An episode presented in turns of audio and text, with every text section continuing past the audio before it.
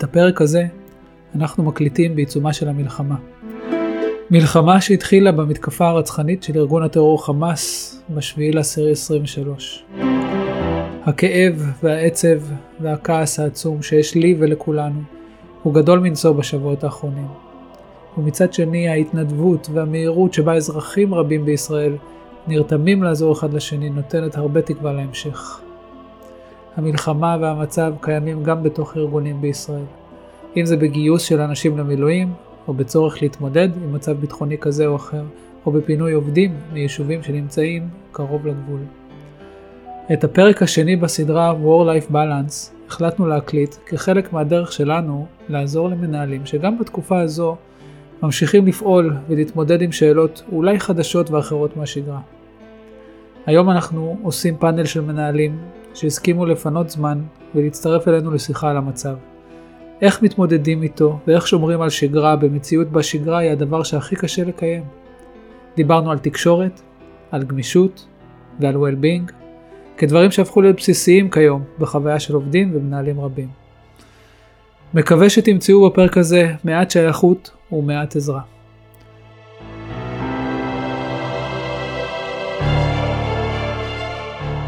בוקר טוב אלעד. בוקר טוב נורית. לפרק היום ביקשנו משני מנהלים להצטרף אלינו כדי לשתף על ההתמודדות שלהם עם המצב הנוכחי. זה הפרק השני בסדרה שאנחנו קוראים לה War-Life Balance, ואני אומרת שלום לדקל ולאופק. בוקר טוב. שלום, בוקר טוב. אז דקל, שהוא דקל אסף, מצטרף אלינו מהארץ, ואופק דקל מצטרף אלינו כרגע מאתונה. ובואו קודם כל תציגו את עצמכם. אז uh, אני אתחיל. Uh, אני דקל אסף, דירקטור באיטורו, גר בכפר סבא. Uh, בעצם בתפקיד ניהולי כבר סדר גודל של 7-8 שנים, כן, כל הקלישאות של בתעשייה עובד בהייטק, ושמח להיות פה. וכמובן דקל ש... שלנו מאבטיח כיס, מי שלא כן, זיהה את כן, הכל. גם כיף להתארח גם. מי שלא זיהה את הכל. הכל מהעבר. אני בניגוד לדקל אה, פעם ראשונה בפודקאסט, אה, תודה שהזמנתם אותי לכאן. אה, לגמרי הזדמנות עבורי גם לשמוע, גם לקבל את הדעות והעצות הניהוליות גם של מנהלים אחרים בתעשייה וגם לתת קצת ערך משלי. אני אבא לשלושה ילדים, גר באורנית בארץ, עכשיו נמצא באתונה כחלק מהפעילות העסקית שצריכה להימשך גם בתקופה הזאת אה, וכחלק מהאסטרטגיה של החברה. אה, בכובע המקצועי שלי אני מנהל את אה, ארגון ה-Customer Support הבינלאומי של חברת קווילט אה, בהוד השרון, אה, מנהל כחמש שנים, אה, אבל בתחום ההייטק אה, באזור ה-18 שנים.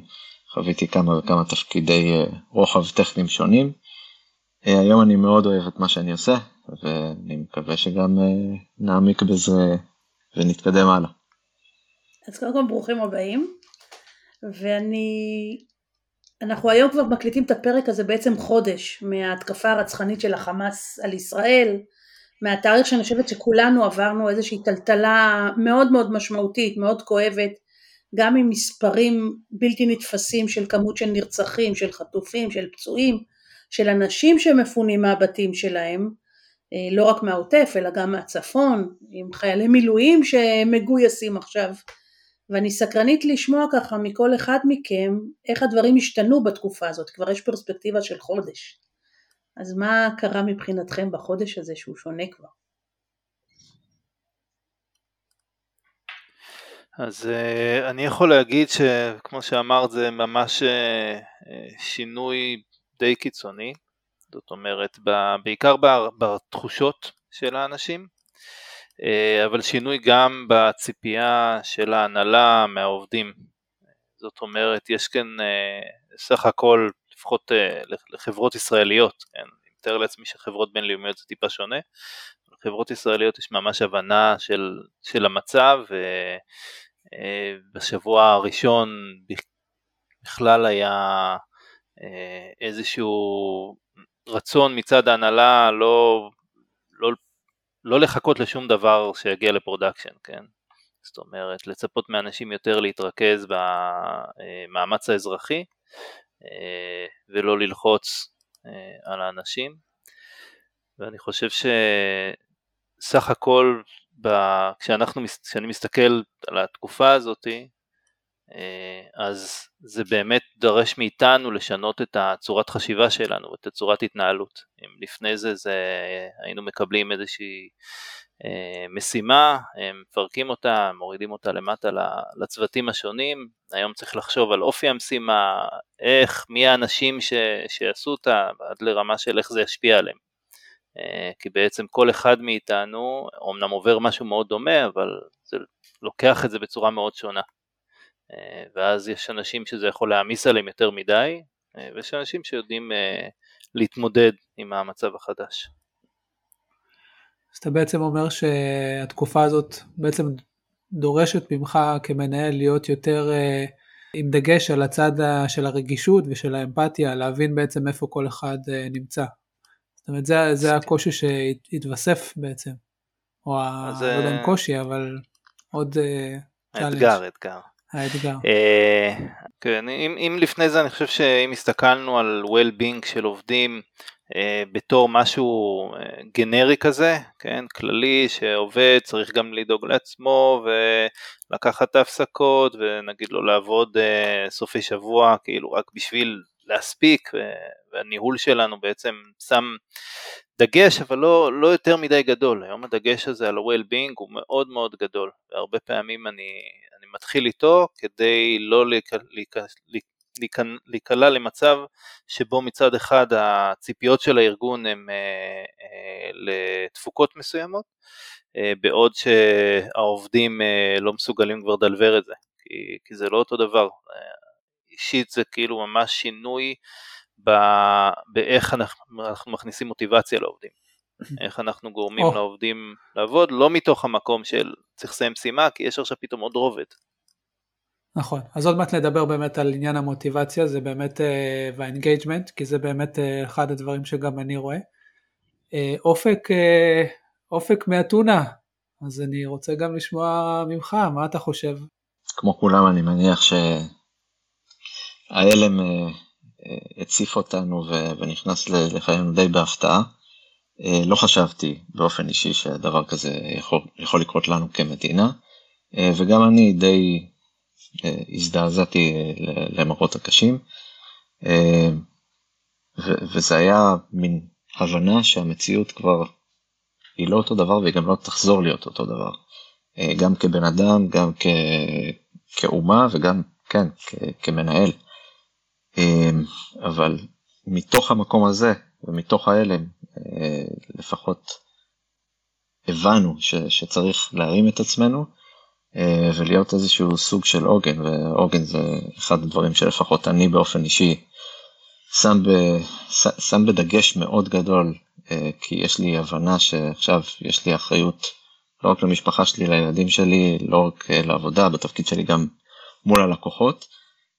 אני חושב שדווקא בשונה קצת מדקל, אצלנו דווקא עם פתיחת המלחמה פחות הייתה הבנה לאן הולכים אה, והלחץ לא ירד, אה, אבל הוא ירד די מהר אחרי ההבנה, אה, יום יומיים אחרי, וגם הציפיות מההנהלה לעובדים, למנהלים ולעובדים ירדו, אנחנו עושים תעדופים ברמה יומיומית, גם כוח האדם משתנה בהתאם, יש אנשים שיוצאים למילואים, אה, מעכשיו לעכשיו, אנשים שגם בוחרים להתנדב כעוגן לחיים שלהם, וגם צריך להיות מאוד אמפתיים לדבר הזה. אז uh, האתגר הוא, הוא משתנה יום יום.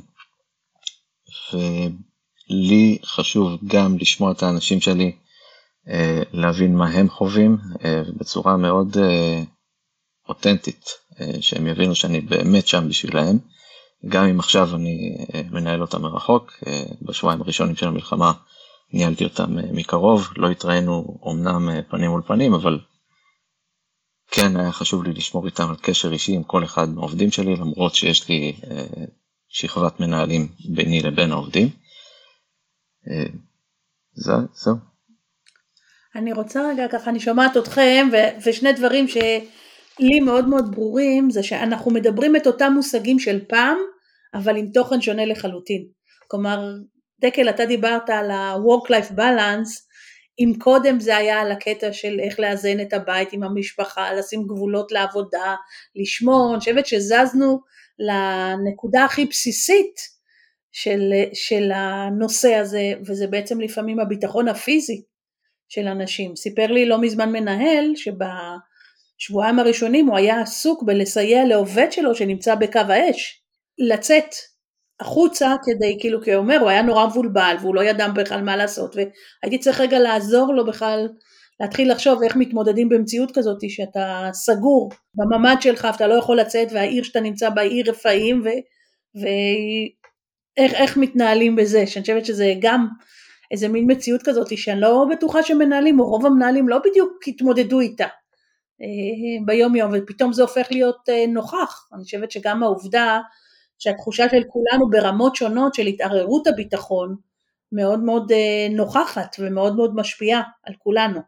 אה, מי שנמצא קרוב יותר וחווה, מי שפונו, יש לנו, אני חושבת שהנתונים שראיתי זה 200 אלף אה, תושבים פונו מהבתים שלהם, כלומר זה גם האם, האם ואיך אתה מחזיק עבודה בזמן שאתה בכלל אפילו לא בבית וכל החיים היטלטלו.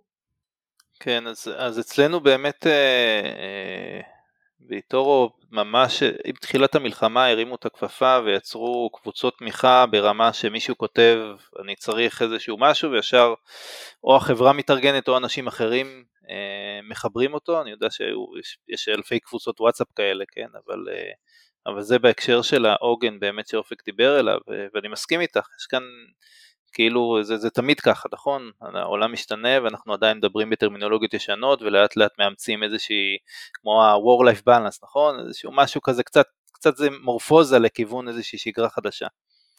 אה, ופה זה לא שונה. כן, יש, יש המון המון המון אתגרים חדשים, בגלל זה אמרתי שכאילו אני מסתכל על ה-well-being כאילו הרבה יותר, כן, האם הבן אדם מכיר מישהו שהיה שם בטבח, אה, האם הבן אדם הוא עצמו, יכול להיות שהוא לא הכיר אף אחד, אבל אולי הוא גר באזור, או שהוא בעצמו בן אדם פשוט רגיש לסביבה, כן, זה יכול גם, יש הרבה אנשים שזה, ביום יום זה נראה כאילו הם אה, ממשיכים לעבוד רגיל, אבל כשאתה מדבר איתם אתה מבין שהם לא שם, כאילו הם עוברים משהו שהוא, שהוא עוצמתי, אז אם אני עכשיו לוחץ על הבן אדם הזה, אני כאילו גם אה, מוריד לו את האיכות חיים, אבל גם אני יכול להפסיד אותו. כן, כי זה תקופה כזאת שכזה אתה, אתה רוצה שינוי, זה אחד הדברים שגם אני רואה אצל הרבה אנשים, כאילו הם, הם רוצים שיהיה משהו אחר, כן, ויכולים לקחת את זה לכל מיני מקומות. כן, ואני חושבת שאופק אתה הזכרת את המושג של הגמישות ושל ה... כל הזמן מתפקדים, אז אני אומרת זה פתאום היום אה, לעשות ספרינטים זה נראה איזה מין חלום אה, ישן של אה, שאתה יכול לתכנן משהו לשבועיים אה, כשאנחנו במציאות הזאת, זה איך באמת כמנהלים כל הזמן השינוי הזה מתרחש בתדירות מאוד מאוד גבוהה, איך אתם מתמודדים עם זה? היום בארגוני אה, פיתוח באמת נהוג לדבר בשפה הזאת גם של ספרינטים, להביא דברים, לדבר אותם די מהר. מצד אחד, מצד שני ההבנה שאנחנו לא בספרינט עכשיו, אנחנו במרתון וזה ייקח זמן, ובתוך הדבר הזה באמת צריך למצוא את, ה, את הבלנס. אה, יש אה, מצד אחד את הגמישות ואת החמלה שאנחנו צריכים אה, באמת לא רק להראות אלא באמת לתת לעובדים שלנו ומצד שני את ההמשכיות העסקית מהצד השני ובאמת דלבור גם כלפי לקוחות ש, שמצפים אה, וגם אה, זה, זה נורא תלוי גם בשלב החברה, יש חברות עם אה, run rate מאוד נמוך והן חייבות לדבר גם במצב הזה מצד אחד ומצד שני corporates עם תקציב אינסופי שיכולות טיפה להוריד את הרגל מהגז ולהיות אמפתיות. צריך תמיד למצוא את הבלנס בין לבין ולהיות תוך כדי תנועה, לחשוב כל יום מחדש מה, מה לתעדף. אה, מה כוח האדם אה, האפקטיבי שיש לנו היום אה, ואיך אני גורם לכל הדברים האלה לקרות. יחד עם זאת, לתת לאנשים שלנו גם את הספייס שלהם שהם ללא ספק צריכים. אופק, מהכיוון של ה-customer support, אתה הרגשת שיש גם איזו הזדהות מהצד של הלקוחות או הבנה של מה שאנחנו עוברים כרגע? אז אני יכול להגיד שבפעם הראשונה לפחות ממה שאני זוכר את עצמי, כן, לגמרי. גם כחלק, כחלק מתקשורת פתוחה איתם, גם שיתפנו אותם במה עובר עלינו כחברה ישראלית, ושרוב החברה גם עובדת מישראל. אה, והם לגמרי היו אמפתיים והבינו שיכול להיות שיהיו עיכובים אה, גם במה שהם מקבלים. הביעו מאוד חמלה כלפינו, אה, עדיין החברה עושה כל מה שהיא צריכה כדי באמת להמשיך לדלבר בקצב שהם רגילים, וכחלק מהדבר הזה גם עברתי לאתונה באופן זמני. תגידו, אז בעצם שניכם גם דיברתם הרבה מאוד על קומוניקציה וכמה זה חשוב. אז ככה למנהלים שמקשיבים לנו, מנהלים, מנהלות, אתם, אה, היה לכם איזה מין אה, שיטה שעבדתם לפיה, איזה מין, אה, לא יודע, פעם ביום להתקשר לכל אחד, היה לכם איזה מין מתודה שככה פעלתם לפיה? כן, ביום פתיחת המלחמה המנהל הישיר שלי היה בשייט, בקפריסין, חסר אינטרנט למשך ימים, הוא ממש לא, לא ידע מה קורה. די הייתי צריך לגייס את עצמי במובן הזה ולהבין אה, אה, מה, מה עושים פה. פתחתי לכולנו, למרות שלא נהוג אה, לתקשר בוואטסאפ, זה היה מין דחיפות כזאת, פתחתי קבוצת וואטסאפ עם כל הצוותים, עם כל האנשים בצוותים שלי, והשארתי איתם קו, עבודה מהבית מאושרת, כל מי שצריך משהו, כל מי שמכיר מישהו שנפגע, שידבר איתי ישירות, עד לפחות שנקבל הנחיות, ובאותו יום באמת הרמתי טלפון אחד אחד אה, לכולם. מבחינתי זה, זה די אה, לקחי עבר מהיותי מנהל בתקופת אה, הקורונה, שגם שם, לפחות בהתחלה, אחרי ש... לפני שהסתגלנו לעולם החדש, לאנשים קצת הזדעזע המקום שלהם, לא ידעו מה זה לעבוד מרחוק, לא לתקשר face to face אחד עם השני, וזה כן קצת הזיז אותם. אז כן דאגתי להבין, לפחות בשלב התחלתי, איפה כל אחד נמצא. אה, ומה הוא צריך, ומשם כבר התגלגלתי הלאה. ובעצם המשכת ברמה יומית עם כל אחד? להיות בקשר? אה, זהו, ברמה יומית אז ביקשתי מהמנהלים שלי כל הזמן לוודא מה קורה עם כל אחד מהאנשים, ואני עושה סבב, גם כל הזמן, גם עם המנהלים, גם עם האנשים שעובדים תחתיהם. אני בקשר אה, מאוד טוב עם כולם, זה גם חלק מההשקפה הניהולית. יצירת קשר אה, עמוק עם אה, וזה גם חלק מתקשורת אה, לא רק עכשיו אלא, אלא רציפה, ש, שידעו שבאמת זה לא מס שפתיים, יש להם באמת על מי לסמוך. כן, אז אני יכול להגיד שם, שאצלי באמת היה ממש ממש דומה למה שאופק תיאר, אה, גם מבחינת אה, ישר כאילו להבהיר לכולם שזה בסדר, כאילו נדבר על המשימות, כרגע צריך אה, כל אחד ש, שיתרכז באיך הוא לוקח את זה, בטח של מבחינת הגעה לעבודה וכל אלה. גם היום כאילו אנחנו עדיין מאפשרים יום בשבוע התנדבות, אז זה עוד איזה משהו כזה שהם כאילו שאני דואג תמיד שהם ידעו, ושיחות, כמו שאופק אמר, כן, תמיד להיות עם היד על הדופק, בטח שבתקופה הזו, אה, אמנם אני גם לא, לא באופן יומיומי עם כולם, אבל uh, uh, בטח שעושה עושה מעקבים ביחד גם uh, בעזרת HR, גם עם, uh, uh, גם עם המנהלים הישירים uh, של העובדים. תמיד תמיד לראות שאם יש איזה מישהו שפתאום לוקח את זה כאילו קשה מדי ולאט לאט אנחנו מגלים כאילו אנשים שחשבנו שהם בסדר וזה נראה שהם עובדים אבל פתאום אנחנו מבינים שיושב להם משהו וכאילו לא, כן. לא, זה, זה משפיע כן וצריך להתייחס לזה. ברור, ברור. אגב רוב האנשים לא משתפים את המנהלים שלהם אה, אם יש להם איזושהי מועקה פנימית. כן, ולכן זה מתעצם זה מתעצם היום התקשורת הזאת אה, עם האנשים באמת לשאול אותם כל הזמן את השאלות הנכונות וגם להבהיר להם אה, מה הציפיות שלנו מאיתם כדי שגם לא יקרו מצב עכשיו אנחנו גם מתקשרים מרחוק שלא יקרו מצבים שאנשים גם נפגעים או לא מבינים מה רוצים מהם אה, בתוך כל הבלאגן ואפשר גם להבין תגובות שאולי לא קורות ב- ביום יום מצד אנשים שהם באמת לחוצים והתקופה הזאת היא באמת מתעתעת. אז להיות uh, עם יותר סובלנות. ממש. כל אחד uh, בעצם מתמודד עם זה אחרת. זה אני יכול uh, להגיד שגם אצלי זה ממש ככה, יש אנשים שלגמרי לא יכלו אה, להתנתק מהחדשות ולהתרכז במשהו שהוא בכלל קשור לעבודה. אה, וזה מביא אותי בעצם למקום שככה דקל הזכיר מקודם.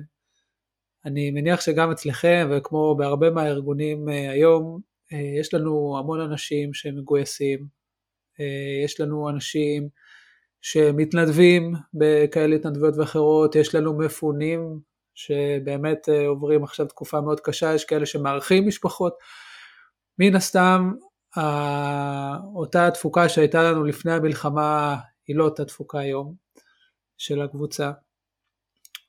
ובכלל, כאילו, איך, איך אני מביא את השיח שלי כמנהל למקום של, אה, אה, של תפוקה ושל משימות, איך עושים את זה, איך מייצרים engagement. אה, אז הייתי שמח לשמוע מכם, כאילו איך אתם מתמודדים עם הקושי הזה. דקל? אז אצלי באמת, זה, זה בסופו של דבר, הנה אפרופו מה שנורית אמר בהתחלה, שאנחנו משתמשים טרמינולוגיות ישנות וה, והעולם הוא חדש, אז, אז גם אני לוקח כאילו את הדברים שאני הייתי עושה בעבר ו, ומתאים אותם, כן? בסוף כשאני מסתכל על מוטיבציה, אז אני רוצה לדעת של, ה, אה, של העובד יש, הוא מקבל את ה, כן, השלישייה הרגילה שבדרך כלל מדברים על מוטיבציה, עם אה, משמעות, מומחיות, אוטונומיה, אז גם פה, כאילו, הנושא של משמעות בעיקר, כאילו, אני חושב ש, שלרלוונטי פה, כי כשקורה דבר כזה, אז כל אחד מסתכל ואומר, רגע, פרספקטיבה, מה, מה חשוב לי, כאילו, בחיים, ו, ויש, אה, לפחות אני מרגיש שיחות כאלה ש, שאנשים עושים עם עצמם.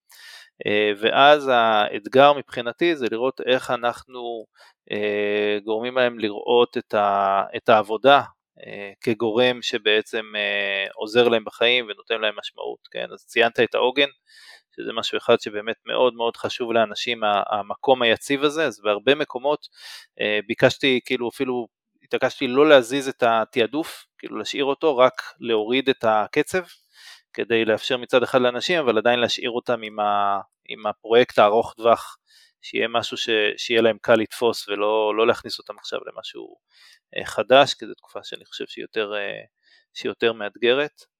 אמ, ובאמת השיחות האלה, שאני חושב שהן מאוד מאוד מאוד עוזרות לאנשים לקבל שיחות דווקא לא מהמנהל הישיר.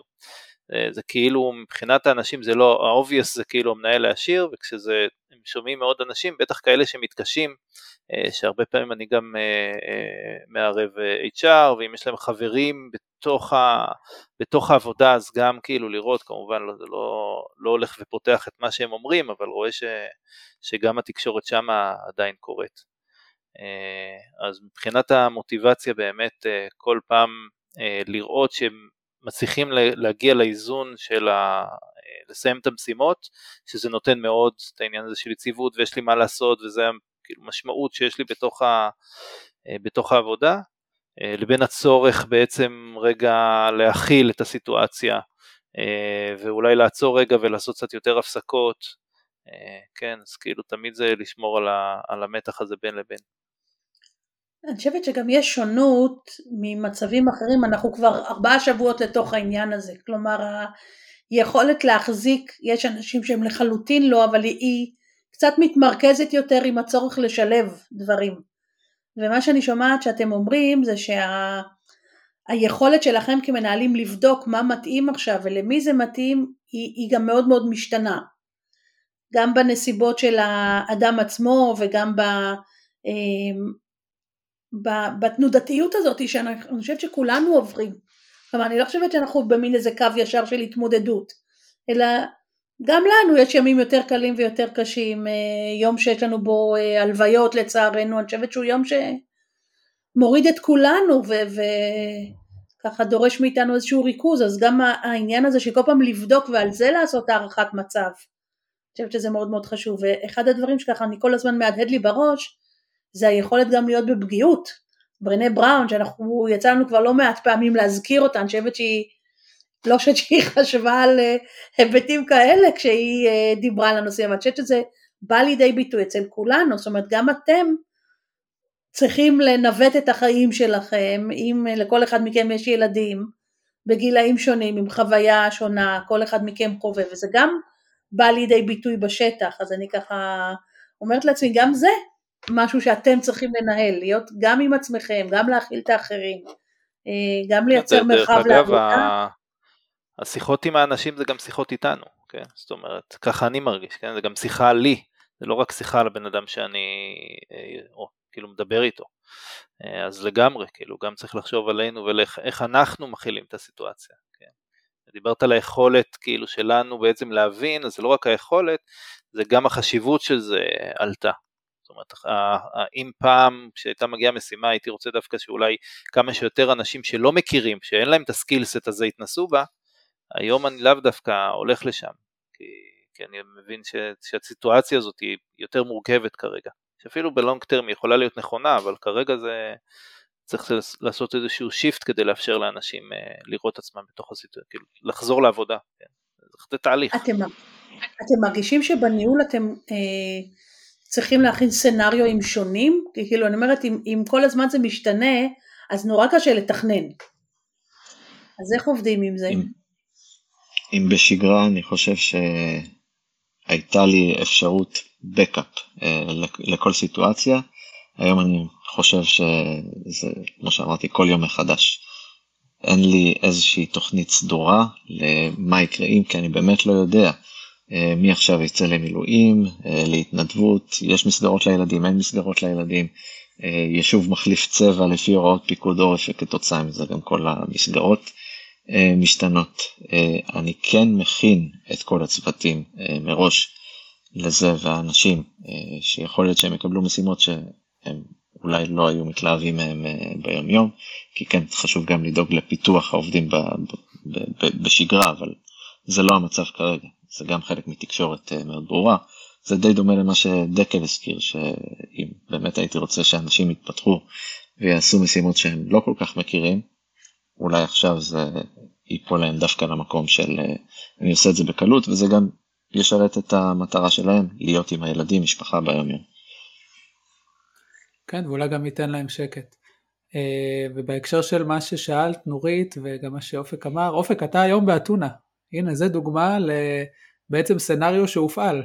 אה, ואני חושב שהרבה ארגונים פועלים ברמת הארגון. אני לפחות מרגיש את זה במקום שאני נמצא, שאנחנו נפגשים כל יום, יש לנו אה, מה שנקרא Crisis Management Team, אה, צוות מאוד מצומצם של צוות ההנהלה של הארגון, ובעצם חושבים על הסצנריונים האלה, נורית, וכמו שהיום אופק הוא באתונה, אני מניח שזה הגיע מהמקום שאמרו, אוקיי, אם יש פה סצנריו שעכשיו נגיד אין לנו אינטרנט בישראל, משהו, יש פה איזה משהו קטסטרופה, אנחנו צריכים להמשיך ולתפעל אה, ולתמוך בלקוחות שלנו, אז אנחנו צריכים מישהו כמו דקל, כמו אופק, סליחה, אה, שיהיה באתונה, ואני יודע שהרבה חברות אחרות גם עושים את זה, אני שמעתי על מאנדיי, על גוגל, שבעצם אה, מנסות לראות תוכניות, להפעיל כבר תוכניות למקרה ו.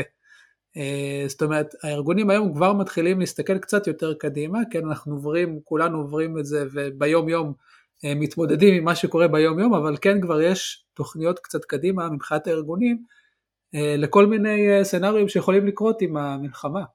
אה, ואני חושב שזה ברמת אה, הארגון מאוד חשוב, אה, וגם לכם, זאת אומרת ברמת הקבוצה, כאילו כדאי שתהיה את החשיבה הזאת כבר קדימה, מעבר למחר, מחרתיים, אלא מה קורה עוד חודש, מה קורה עוד חודשיים.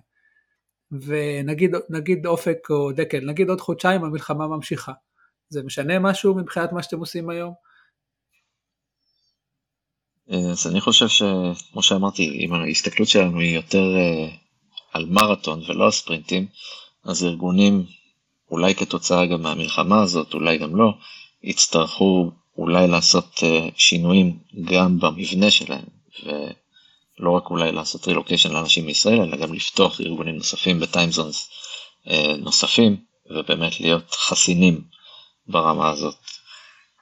כן, אני חושב שבכלל אה, גם, גם לפני זה ארגונים באמת נדרשו כאילו להקים, טוב תלוי איזה ארגון, כן? אבל תמיד אתה רוצה שיהיה לך עוד מרכזים בכל העולם, כמובן יש לזה, יש לזה עלות, ואני מסכים עם אופק שעכשיו זה כאילו עוד יותר קיבל כאילו חיזוק מאוד משמעותי, ואני חושב שכל כל חברה שתחת איזושהי רגולציה יש לה היום מרכז כאילו מחוץ לישראל, כי פשוט כולם דורשים את זה. כן? אחד הדברים הראשונים שקרו אחרי המלחמה, שכל הרגולטורים פשוט אמרו, רגע, מה, מה אתם הולכים לעשות, איך אתם הולכים לתפקד, כן? בתוך אותו BCP ש... שאופק דיבר עליו. ואם אני מסתכל כאילו קדימה, אז כן, אנחנו משנים את הדרך שבה אנחנו מנהלים, כדי בעצם לאפשר לאנשים להכיל יותר סיטואציות מורכבות, אבל ככל שאנחנו נתקדם, וזה אחד התהליכים שעכשיו אני, אצלנו כאילו מאוד שמים עליו דגש, זה לראות איך אנחנו יוצרים את השגרה החדשה, כן? כי ההבנה היא באמת שזה כנראה יהיה משהו שילווה אותנו תקופה מאוד ארוכה, כן? נכון. זה, ההנחה היא זה לא שהמלחמה תסתיים עוד מעט, אלא שהיא תימשך. אה, להבדיל, כן, אני רואה מה קורה באוקראינה, שזה כבר חשבו כאילו חודשיים כזה וזהו, והרוסים לא יישארו וכל זה, הכל כאילו שם, אתה, לא, אתה אף פעם לא יכול לדעת. כן. כן. אה, כן, שנתיים עברו כבר, וואו. אז כן, זה...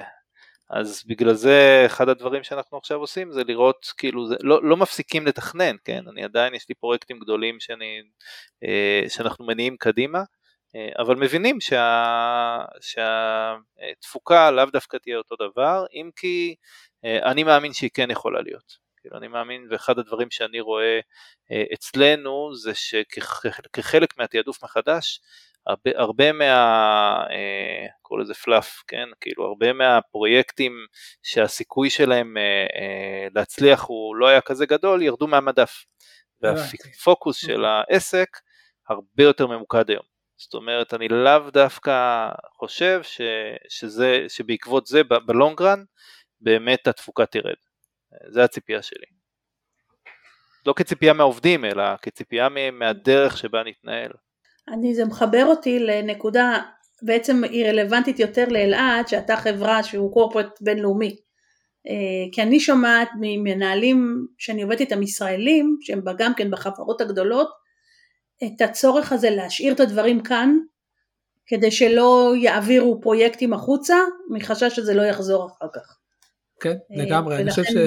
כן, אני, כמו שאופק ודקל אה, אמרו שזה חשוב, אני חושב שחברות ישראליות זה חשוב מבחינת באמת הכסף שנכנס, כאילו החברה חייבת להמשיך להתקיים, ובאמת בקורפורט, אה, כמו שאופק אמר, יש יותר משאבים, זה בדרך כלל ארגון גדול יותר, יותר גלובלי, ובאמת פה הסיכון הוא קצת, קצת אחר, זאת אומרת, אה, היום הקורפורט מסתכל על ישראל, ואני חושב שכל קורפורט עושה את זה, והוא מתחיל לעשות ניהול סיכונים, כאילו בסוף עם כל האמפתיה גם למצב וההבנה ש... אה, על מה שישראלים עוברים פה, בסוף חברה היא חברה מאוד אה, עסקית, כל חברה. והיא מסתכלת על ישראל והיא מנסה לחשוב, אוקיי, האם נכון לי להמשיך פרויקטים מסוימים בישראל, מה הסיכון? מהצד שלנו כ...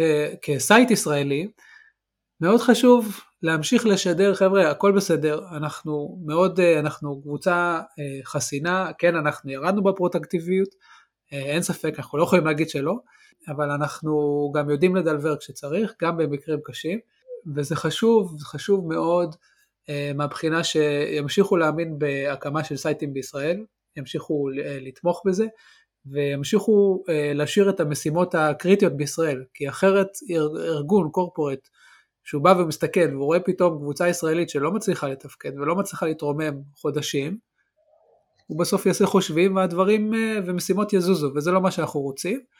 אה, מצד שני, אנחנו כמנהלים בישראל צריכים לבפר, צריכים לשדר למעלה כמובן את האמת, אבל למטה אנחנו צריכים לראות איך אנחנו מטפלים ברגישות ובאמפתיה אה, מול כל העובדים, ועדיין מנסים להגיע לפרודקטיביות הרצויה כדי לקדם את המשימות, אה, וכמו שדקל אסף, אה, דקל אמר, סליחה, אה, אחד הדברים שאנחנו עושים זה באמת לתעדף, זאת אומרת, כל, דקל קרא לזה פלאף, באמת, כל מה שאנחנו מרגישים שהוא באמת משימות נגיד לעוד שנתיים, אני יכול אולי קצת למסמס, לשים בצד ולקדם דברים שהם יותר דחופים.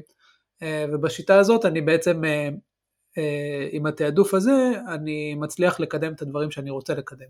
ובעצם מתכנן קדימה לעשות uh, סוג של מיטיגציה כשנצטרך. אני רוצה לשאול אתכם ככה שאלה שהיא קצת אישית, של uh, איך אתם שומרים על עצמכם בתקופה הזאת, זאת אומרת, עוד פעם, כולכם גם uh, בעלי משפחות, נמצאים פה, מנהלים עובדים, איך, מה, מה הטיפים שלכם לשמור גם על האיזון אצלכם, או על היכולת לתפקד, ומה עושים בימים שזה לא בדיוק עובד ככה. אז אני יכול להגיד, אה, ואתם רואים אותי גם בווידאו, אה, אני עדיין בידי הספורט שלי. אה, העוגן הכי בסיסי מבחינתי זה אוכל טוב, בריא, שינה מספקת וספורט. זה הבסיס לדעתי לכל בן אנוש, וזה יכול להיות במקום ספורט רוח, מדיטציה, דת אפילו למי שחושב ש... ש... ש... שזה מה שעושה לו טוב והוא נאחז בזה. השילוש הזה של באמת אה, אוכל שינה ספורט אה, ורוח זה, זה הבסיס ואני משתדל ברמה היומיומית גם פה באתונה וגם בישראל וגם בכל מצב אה, לשמור על זה. אני מבין וגם חוויתי בעבר אירועים שלא התמדתי בזה גם אני בתור בן אדם קצת ירדתי וכתוצאה מזה גם הסביבה שלי נפגעה בין אם זה הילדים שלי המשפחה שלי אשתי וגם העובדים שלי. אני מאוד משתדל לשמור על עצמי ברמת היום יום, זה, זה לפחות העוגן שלי. כן, אז, אז אצלי בעצם זה גם השיחות עם האנשים, שכמו שאמרתי מקודם זה גם שיחות שלהם איתי, כאילו זה לא רק שיחה שלי איתם, אה, שעוזר קצת להוציא וקצת לדבר על המצב. אה, אני גם אה, לוקח יותר הפסקות בין הפגישות, כאילו אחד הדברים ששמתי לב זה שאם לפני זה היה ימים כאלה של פגישות back to back, אה, אני כבר לא שם, כאילו לא, אם אני עושה יום כזה, זה, אני מסיים אותו על הקרשים. אז הרבה יותר כדי להכיל, כי אין מה לעשות, אתה פתאום שומע איזה חדשות משם, פתאום אתה מדבר עם איזה מישהו שקרה לו איזה מקרה אישי, שכמובן כל מקרה בדרך כלל דברים נוראים. אה, אז לעשות קצת, להרים את הראש, רגע, לצאת שנייה, כאילו, אנחנו ב... מהבית, אז לצאת קצת מהחדר, לשנות קצת פאזה, להסתובב, לחזור, אה, זה, זה הדרך שלי. לצערי אני לא עושה ספורט, אבל לגמרי... הגיע הזמן, דקל, לעצמי. צריך, צריך. דיבר על זה, דקל. צריך כן אז uh, uh, אני יכול להתחבר כאילו לעניין של ספורט וזה אז אצלי אני שומע מוזיקה כן. שומע מוזיקה האמת שחזרתי קצת יותר uh, אני אוהב לכתוב קוד אז קצת חזרתי לזה בסוף בסופי שבוע. uh, אז זה גם משהו שקצת אסקפיזם כן כאילו בסוף אתם אנשי ההייטק כתיבת קוד זה אסקפיזם בסדר כן כן זה עושים מה שכיף, זה הנקודה. רק שלא תקלקלו אותי, אלוהים. אני שמעתי שפודקאסט אבטיח כיס מאוד עוזר, מי שככה רוצה יכול לשמוע ברצף. אמ, אז אני רק רוצה ככה לסכם וגם להתחבר למה שנורית אמרה על העניין של הפגיעות. אה, וכמו שדקל אמר שהוא צריך ככה את ההפוגות בין ישיבות. אה, לפעמים גם אנחנו כאילו, לא משנה איזה מנהל אתה ולא משנה באיזה דרגה אתה, גם אנחנו חווים את הקושי הזה, כמו שאמרנו. וחשוב מאוד להיות מאוד מודעים לזה, אה, ולדעת שזה גם בסדר לקחת את הזמן הזה, כמו שדקל אמר. ולמשל, להגיד לישיבה הבאה, לכתוב, חבר'ה, אני, אני לא יכול לעלות. זה בסדר, קחו את הזמן, כי אחרת אה, אנחנו שוכחים את עצמנו. ואם אנחנו שוכחים את עצמנו, אנחנו לא נהיה טובים כמו שנוכל להיות עבור הקבוצה והצוות שלנו. אז זה באמת מאוד חשוב. כן, זה היה לי מאוד מעניין. אם יש, אה, אם יש בעיה, קודם אה, תדאג לעצמך, תראה שאתה כשיר, ואז... אה, כן, נכון, ואז לילד. מסכת החמצן. כן. אגב, זה בסדר גמור, גם אם אנחנו בתור מנהלים לא מרגישים שאנחנו יכולים עכשיו להיות נוכחים בסיטואציה, וזה גם מתקשר לנקודה של התקשורת והאותנטיות שדיברנו קודם. גם להודיע למנהלים שלנו שאנחנו צריכים את הגיבוי שלהם, ובאמת אה, אה, לצאת, להתעורר ולעשות אה, מה שצריך, אבל חייבים באמת להיות גם אותנטיים ולתקשר את זה. אני חושבת שזו נקודה ממש חשובה, של ה... כאילו אני חושבת זזנו קצת מהצורך להיות המנהל הגיבור, שמצליח לעשות הכל, להיות המנהל שהוא בן אדם, שהוא פגיע, שהוא גם יכול לעבור ימים קשים ולהביא את זה לידי ביטוי, בטח בצורה את יודעת, למנן את זה נכון, אבל כן שזה יהיה קיים, שזה יהיה ברור, כי אני חושבת שזה גם נותן לגיטימציה לעובדים, לבוא ולראות את המודל הזה של ה... אנחנו עובדים ואנחנו עדיין בני אדם, ויש לנו גם את הנפילות שלנו, את החלקים ביום שלנו שאנחנו פחות, פחות בטוב ופחות מסוגלים. אז ככה לסיום, שאלה שאני רוצה לסגור איתה זה אם אתם צריכים לתת טיפ למנהלים היום, ככה שיקשיבו לנו, מה, מה הוא יהיה מבחינתכם, איך, איך לעבור בשלום את התקופה בשלום, איך לעבור את התקופה הזאת. אז uh, הטיפ שלי זה תיאום ציפיות, כאילו שלכם עם העובדים, שלכם עם ההנהלה, uh, כמו שאמרנו לפני רגע, כאילו האותנטיות, אני חושב שאין אין, uh, אפשרות אחרת, זאת אומרת, אם אתה עכשיו, uh, uh, יש, יש כאילו את המצב הזה, כולנו נפגענו ממנו, אין מצב, ואם אתה לא מדבר על זה ולא, נקרא לזה, מראה את זה כאילו לכולם, אתה פשוט לא נתפס uh, אמין, uh, ואז הסיכוי שלך לעורר מוטיבציה מאוד נמוך. Uh, אז uh, זה השתי סנט שלי. אצלי הייתי אומר שכל אחד uh, ימצא את העוגן שלו, את הסיבה שלו לקום בבוקר, כמו שדקל הזכיר קודם, אני חושב שזה מאוד חשוב, באופן אישי לי זה באמת הספורט שמפקס אותי גם גופנית וגם נפשית, אבל כל אחד צריך למצוא את מה שעושה לו טוב אה, ועוזר לו להתרומם אה, במצב הזה כל יום מחדש, ובאמת שהוא מרגיש שהוא קם עם משמעות. אה, המשמעות מאוד מאוד מאוד חשובה. תודה רבה, היה מאוד מעניין. שמחנו תודה. להכיר, אופק, תודה לכם. דקל כמובן, אנחנו מכירים מזמן. תודה לכם. ושנזכה לימים טובים יותר. בשורות טובות, זה הברכה החדשה כן. שכנראה. כן. תודה רבה. עם ישראל חי. תודה רבה לכם, הרבה טוב שיהיה. אחלה שבוע. ביי ביי.